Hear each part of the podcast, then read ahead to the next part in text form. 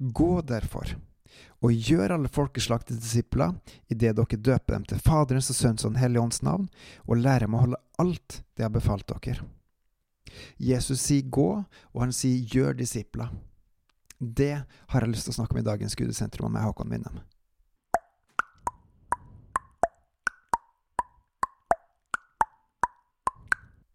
Rett i forkant av dette så står det, og Jesus trådte fram, talte til dem og sa, Meg er gitt all makt i himmelen og på jord. Legg merke til at Jesus har faktisk fått all makt i himmelen og på jorda. Ikke bare litt, ikke bare en del, ikke bare noe, men all makt. I både himmelen og på jorda. Så det er ingen restriksjoner, det er ingen begrensninger. Jesus har faktisk fått all makt nå, som han har vunnet på, eh, over døden på korset og ved å stå opp igjen. Og så sier han, derfor gå. Jesus kaller oss til å faktisk gå. Og han sier vi skal disippelgjøre, han sier at vi skal døpe, og at vi skal lære om å holde alt det har befalt dere, som altså Jesus har befalt. Og i dag så har jeg lyst til å holde fokus litt ekstra på disippelgjør. Fordi det står i Matteus 28, 19, Gå derfor og gjør alle folkeslag til disipler. Hvem sine disipler skal vi gjøre? Til hvem skal de være disipler av? Da vil det være naturligste å tenke at vi skal gjøre det til Jesu disipler. Men ut ifra den konteksten her, så tror jeg ikke det er faktisk det Jesus mener. Ja, selvfølgelig skal vi ha Jesus som forbilde, og vi skal være bygd opp i Guds kjærlighet. Men ut ifra denne settingen her, så tror jeg rett og slett at det er noe annet som formidles.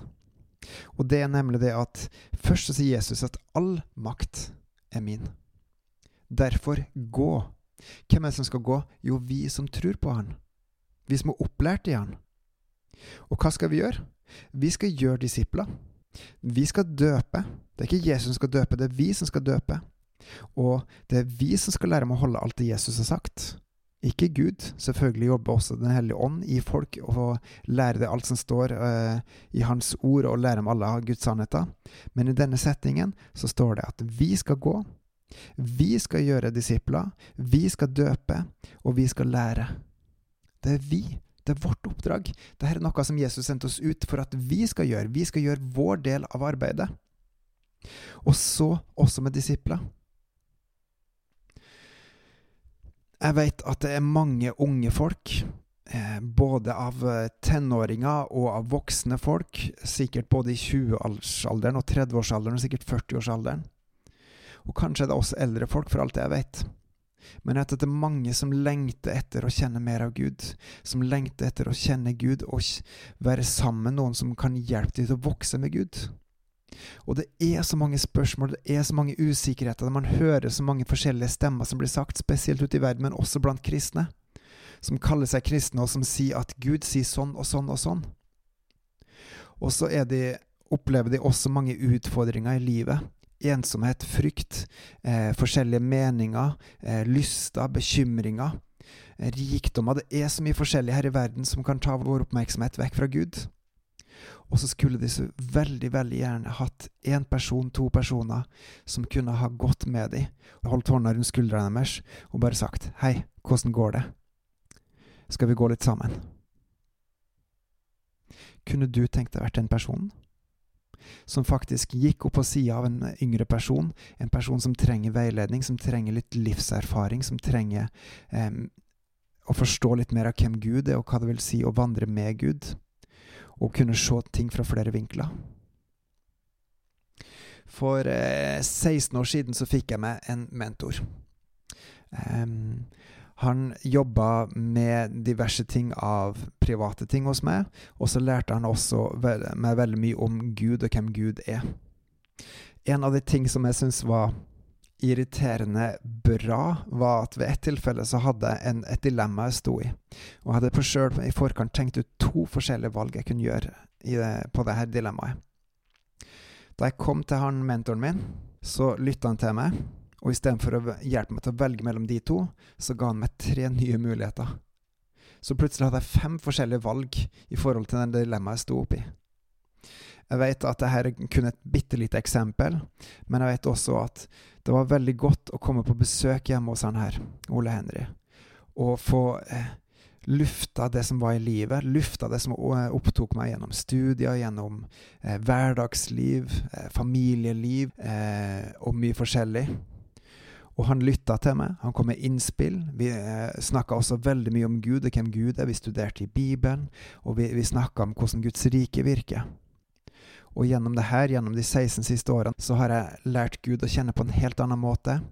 Og jeg er ganske så sikker på at alle disse samtalene vi har hatt, om bare generelt ting i livet og om Gud. Det har hjulpet meg til å bli mer nysgjerrig på Gud, og det har hjulpet meg mer til å søke Gud og være mer med Gud på egen hånd. Og jeg har kommet veldig mye lenger nå i løpet av disse 16 årene som har gått, selv om jeg til tider syns at det går veldig sakte. Nå sitter jeg her som en 40-åring og har kommet litt lenger. Jeg har også veldig bevisst valgt å ha mye kontakt med én tenåring og noen folk i 20-årene fordi jeg vet hvor mye dette betydde for meg. Har du også hatt noen som har vært, hatt veldig stor betydning for deg? Som gjør til at de har vært en god, trygg person som har vandra ved siden av deg? Det kan være mamma og pappa, det kan være onkel, tante eller en nabo, det kan ha vært en i menigheten, det kan ha vært en venn på din egen alder. Det kan ha vært ting bare i forbindelse med det jordiske livet, men det kan også ha vært med Gud. Det kan rett og slett bare også vært noen som har fortalt om Jesus og vist at Jesus er ikke bare en opphøyd, teoretisk, historisk person, men at han er nær, og at han bor i hjertet til hver og en som tror, og jobber og virker i oss, hvis vi slipper han til. Har du hatt en sånn person? Hvor viktig var den personen for deg? Hvor viktig kan ikke du være for en annen person på samme måten? Når det står i Matteus 18-20 at vi annet skal gjøre alle folkeslag til disipler, så tror jeg rett og slett at når vi går, så skal vi rett og slett bygge vennskap. Og blant disse vennskapene så tenker jeg at det er også viktig å gi rom for de som er en annen plass i livet. Som trenger en ekstra skulder å støtte seg til. Enten i gode eller onde dager, eller bare vanlige hverdagslige dager også for å ha noen som har kommet litt lenger på noen områder. Ikke noen som er utlært, for det går det aldri an å bli, men som har blitt opplært. Som har kommet litt lenger, som er litt mer moden i det jordiske livet, og som er litt mer moden i Guds rike livet. Og det fantastiske er faktisk at etter hvert som man prater sammen, så får man vennskap, og man hjelper hverandre til å vokse også. Det motiveres gjennom samtalen, og man vokser med Gud også.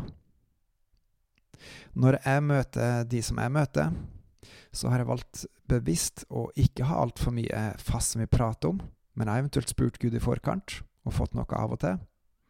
Og så har jeg også valgt å ta initiativ til at vi skal be sammen mot slutten. Så vi snakker om livet, hva som skjer i hverdagen, vi snakker om livet med Gud, og så ber vi sammen til slutt. Jesus sier, Meg er gitt all makt i himmelen og på jord. Gå derfor og gjør alle folkeslag til disipler, i det dere døper dem til Faderens og Sønns og Den hellige ånds navn, og lærer dem å holde alt jeg har befalt dere. Og så kommer det et løfte til slutt. Og se, jeg er med dere alle dager inntil verdens ende. Folkens, gjør disipler. Gå og gjør disipler, fordi Jesus har fått all makt i himmel og på jord. Og vi gjør det ikke for vår egen del, men vi gjør det for å vise andre veien til Jesus, sånn at de kan vokse opp til å bli fullmodne sønner og døtre av Jesus, og være med å ære og bygge Hans rike gjennom å ta seg disipler, og som blir bygd opp i Guds kjærlighet, gjennom også din kjærlighet, og som ved neste veien gjør disipler som også er med på å ære Gud. Ikke hundre disipler, men tolv hadde Jesus. Vi kan også gjøre disipler gjennom å engasjere oss i liv til folk som har kommet litt kortere enn oss, og som vil oppleve at det blir enorm rikdom, og som vil vokse fram mer og mer, og som gjør at også vi kan få bli rikt velsigna gjennom det vennskapet. Gjør disipler. Lær de opp i bebels. På gjenhør.